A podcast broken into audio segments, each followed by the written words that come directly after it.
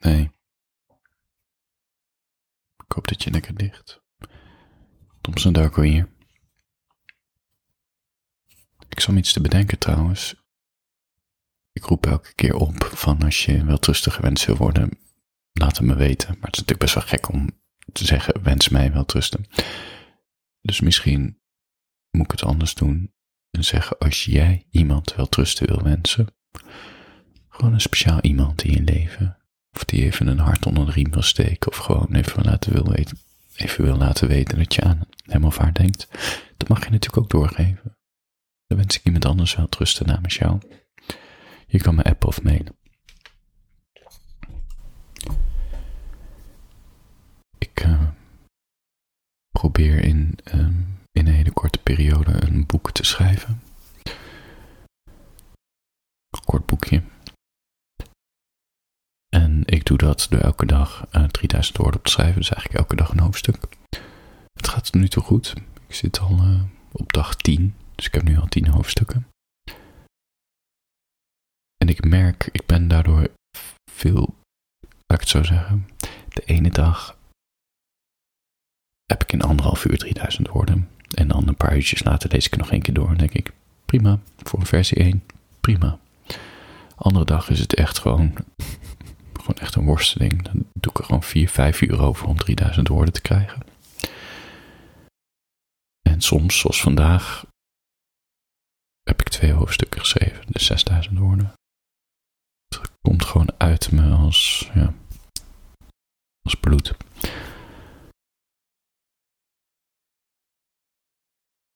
Het gekke is, omdat ik nu hier heel bewust en geconcentreerd mee bezig ben elke dag. Het voelt ook echt als een opdracht, 3000 woorden. Dus ik, ja, ik, ik, mag, dit niet, uh, ik mag de keten niet verbreken. Ik merk dat mijn moed, mijn gemoedstoestand, dat het heel erg van invloed is op het verhaal wat ik schrijf. En ik schrijf elke dag in mijn bullet journal op hoe ik me voel, maar ja, dat het is een heel kort evaluatiemomentje van een paar minuten en dan uh, ga ik ook weer gewoon verder met de orde van de dag. Maar nu ben ik toch een paar uur bezig met schrijven. En ja, aan het eind, als ik het weer teruglees, dan kan ik gewoon niet ontsnappen aan mijn gevoel van die dag. Ik was een paar dagen geleden bij het opstaan al. Ja. Ik weet niet wat het was. Ik, ik liep een kort rondje buiten en ik merkte dat het geluid heel heftig binnenkwam. Het was echt al. Ik dacht, oké, ik ben nu al overprikkeld. Vaak heb ik dat pas aan het einde van de dag als ik gewoon moe ben. Ik kwam binnen en ik voelde me gewoon donker. Begrijp je? Gewoon echt gewoon zo'n donkere mood. En het was niet dat ik er zorgen om maakte of dat het echt hinderlijk is, maar het was wel donker. Ik zet Radiohead op. Beetje, nou ja, ik weet niet of je die band kent, maar het is best wel. Uh, ja, laat me zeggen, als ik in een depressie zit, dan moet ik niet Radiohead luisteren, want dan gaat het, ja. Moeder zei vroeger wel eens dat het echt muziek is om zelfmoord bij te plegen. Bij sommige nummers. Andere nummers zeggen oh, het is een heerlijk nummer. En dan hoor je opeens weer een ander nummer van de album. En dan denk je echt, ik ga een, een kogel door mijn hoofd schieten. ja, ik denk dat ze wel gelijk heeft. Normaal als je die teksten ziet. Het zijn zware teksten. Maar goed, nu was het goed. Ik had een zware moed, maar met Radiohead in mijn oor. En die woorden kwamen eruit en ik las het terug en ik dacht, holy shit, dit is echt hele donkere shit. En een dag later, weet je, goed geslapen, voelde me opgewekt, creatief, licht filosofisch. Nou ja, het was weer een heel ander hoofdstuk, een heel andere toon.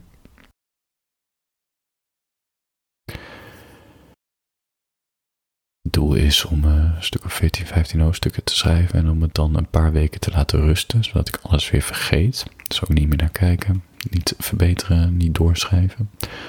En dan weer te gaan herlezen. Dan lees je het echt alsof het nieuw is voor je. En dan kan je ook veel beter, merk ik, um, corrigeren. Dat je veel verder ervan af staat. Dan zie je al meteen, hé, hey, deze zin loopt niet. Of hé, hey, ik was misschien hier wel heel tevreden over. En er past er niet tussen. Of hé, hey, dit is goed. Ik ben echt heel benieuwd. Een paar weken later, of ik de mood van mezelf tijdens het schrijven, of ik die terug herken tijdens het herlezen. Vooral het verleden ervaren dat je soms wat schrijft dat je denkt, echt kut. En dan bij het herlezen dat je ook het is zo kut. En op een gegeven moment, volgende dag schrijf je weer verder, volgende dag weer verder. En dan lees je het een paar weken later en dan kan ik niet eens, merk ik niet eens meer welk stukje tekst ik nou precies kut vond. Het is gewoon, in ieder geval, je leest het er niet meer vanaf. Dus het is zo gek wat je voelt, wat je geschreven hebt en een paar weken later wat je erover voelt. Ja, het is alsof je naar, met andere ogen naar jezelf kijkt. Oké, voor je gaat slapen, um, dacht ik eventjes een stukje tekst voor te lezen.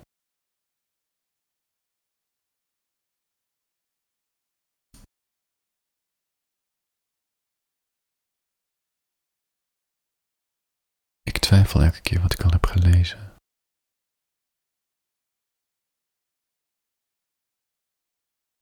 Het heet we krijgen niet wat we verdienen, we krijgen wat we toelaten. We krijgen wat we toestaan. Hoe we denken over onszelf, hoe anderen ons zien. We moeten de woorden negeren, de stemmen tot stilte manen, zodat we kunnen luisteren naar onszelf waar echt de grens ligt, zodat we ons kunnen verweren. We krijgen wat we denken. Het kleurt ons brein, hoe we de wereld zien, als een zonnebril op onze ogen met een filter genaamd ons gevoel. Als je treurigheid wil zien, zie je treurigheid. Als je angst wil zien, zie je overal wanhoop. Als je mij wil zien, zie je een fantasie. Zij zien ons ook met hun veroordelende ogen, met hun liefkozende woorden, maar de toon verraadt alles. Ze hebben te hoge verwachtingen, zodat wij ze kunnen teleurstellen. Dat is blijkbaar waarvoor wij op aarde zijn gezet. Ik stel je graag teleur, als dat je geruststelt. We moeten ze negeren, niet aan ze denken. We zijn niet wie we zijn, dankzij hun, maar ondanks hun. We hebben hun mening niet nodig. Hun goedkeuring zegt me helemaal niets. Ik heb mezelf, mijn eigen waarde, mijn eigen standaard. Ik ben in competitie met mezelf. Niet met jou, of jou, of jou, maar met mezelf. Ik laat ze tot stilte komen in mijn hoofd. Het kost me moeite, maar langzaamaan stoppen ze met het op mij inpraten over hoe zij de wereld zien via hun gekleurde bril, met hun angsten, met hun onzekerheden, met hun dromen, met hun twijfels, met hun ambities. Zwijg, alsjeblieft, houd je mond, doe het, zwijg gewoon, want ik moet luisteren naar mezelf, naar wat ik wil, wat ik voel, wat ik wil doen. Ik moet me verweren, me niet op de kop laten zitten, dus zwijg, alsjeblieft. We krijgen niet wat we verdienen. We krijgen wat we toelaten.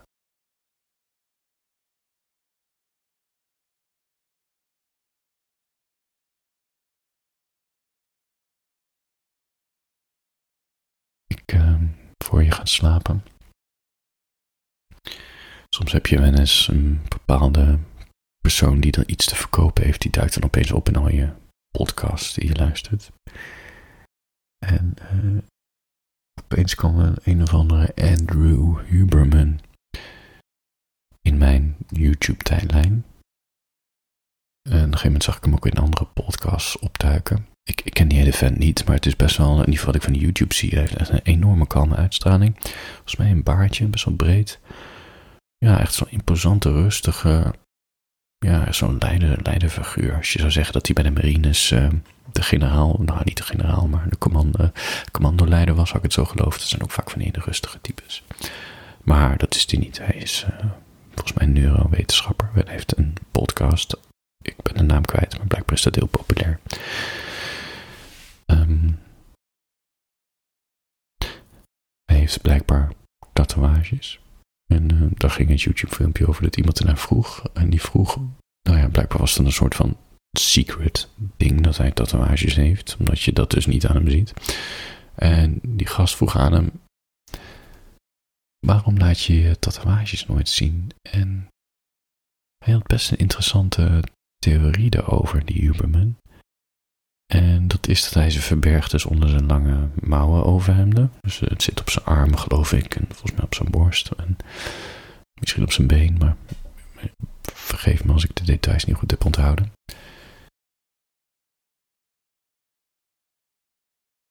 En hij zegt van, weet je, iedereen, ik heb, hij zegt, ik heb geen invloed op hoe anderen mij zien. Zich bewust, want volgens mij is hij neurowetenschapper en volgens mij werkt hij ook voor, of begeleidt hij ook mensen in het ziekenhuis. Ik, ja. En hij zegt, hij wil eigenlijk niet dat mensen aanstoot geven aan hem. Je zou natuurlijk kunnen zeggen van ja, weet je, wees wie je bent en boeien wat anderen vinden, maar hij zegt juist van, iedereen oordeelt. Iedereen heeft een eigen vertrekpunt, een eigen verleden. En ik heb er gewoon nul invloed op hoe anderen mij zien. En ik wil ook niet dat dit, mijn tatoeages, uh, mij in de weg zitten hoe mensen mij zien. Dus ik houd het voor mij privé. Zodat het geen blokkade is bij iemand. Interessant hè? Ik herken het wel van hem. Uh, niet zozeer met tatoeages. Ik heb geen tatoeages. Misschien omdat ik een hele, hele neutrale. Ja, het verandert wel, maar ik heb een hele neutrale verhouding met mijn lijf. Ik vind het niet aantrekkelijk. Ik vind het niet onaantrekkelijk. Ik vind het niet mooi. Ik vind het niet lelijk. Het, het is gewoon een mannenlijf. Ik let op mijn gewicht. Weet je, ik heb een bepaald streefgewicht en daar probeer ik in de buurt van te blijven. En verder, ja. Ik merk wel sinds ik een paar jaar geleden met kracht ben begonnen dat ik, weet je, dan zie je je lichaam veranderen. Toen dacht ik, hé, hey, begon ik het opeens ook iets meer te waarderen, wat heel apart was, omdat ik ervoor er gewoon neutraal in zat. Maar goed, los van het lichaam. Ik heb natuurlijk jarenlang mijn blog Psycho Killer. Toen een gegeven moment een beetje begonnen, met 100 volgers, 1000 volgers, een paar duizend volgers. En dan beginnen de berichtjes binnen te komen. Op mijn mail en in mijn DM. En dan merk je van, hé, hey, die verhalen die raken mensen. Mensen vinden het tof en storten hun hart bij me uit.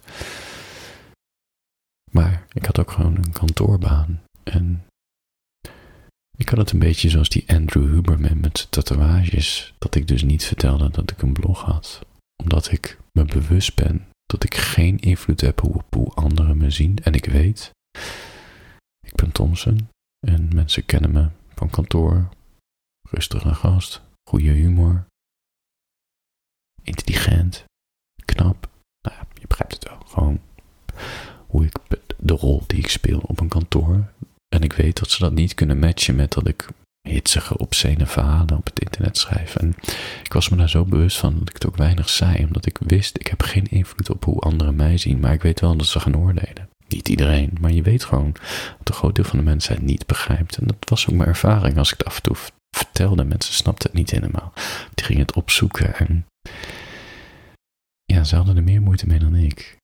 Ik, drong, ik drong mij niet op van vind dit leuk en bewonder me juist niet. Maar ja, en daarom merk ik, ik kan toch beter verzwijgen.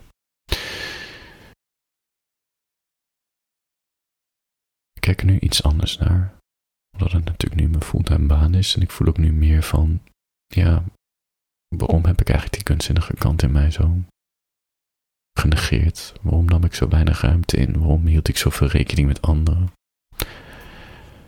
Dus ik ben eigenlijk, uh, ik ben van de Andrew Huberman daar meer een, uh, ja, laat gewoon zien wat je doet en wat je maakt. En laat het bij de ander wat ze vinden en hun oordeel. Dat is niet mijn, uh, ja, daar hoef ik geen last van te hebben. Weet je, daar hoef ik me niet druk om te maken, laat ik het zo zeggen. Wat ik ook merkte toen ik uh, mijn gezicht liet zien. Ik, weet niet wanneer het was. Half jaar geleden. Drie kwart jaar geleden. Ergens in het najaar van uh, 2021. Dat er mensen opeens daar ook een oordeel over hebben. Dat ze het eigenlijk niet zo leuk vinden dat ik het deed. En toen dacht ik ook van ja, maar fijn dat je me laat weten of zo. En tegelijkertijd, ja, ik heb geen invloed op hoe jij naar mij kijkt en wat je wel of niet van me verwacht. En ik kan je wel uitleggen wat mijn argumenten is, maar ja, het gaat eigenlijk niet om jou, snap je? Dus ik maak me er ook niet zo druk om. Voor je gaat slapen, handjes boven de dekens. Morgen weer een nieuwe creatieve dag. Als vandaag niet helemaal je dag was, die dagen zitten er ook tussen. Probeer je gemoedstoestand gewoon op te schrijven. Bullet journal. Schrijf elke dag op hoe je je voelt. En dan heb je er ook minder last van als het weer even niet gaat. Dan begin je beter te begrijpen dat ook maar gewoon. Het is net als het weer. De ene dag regent het, de andere dag zonneschijn. Zo zijn gevoelens ook. Vooral een beetje langs je laten gaan. Morgen nieuwe dag. Slaap lekker.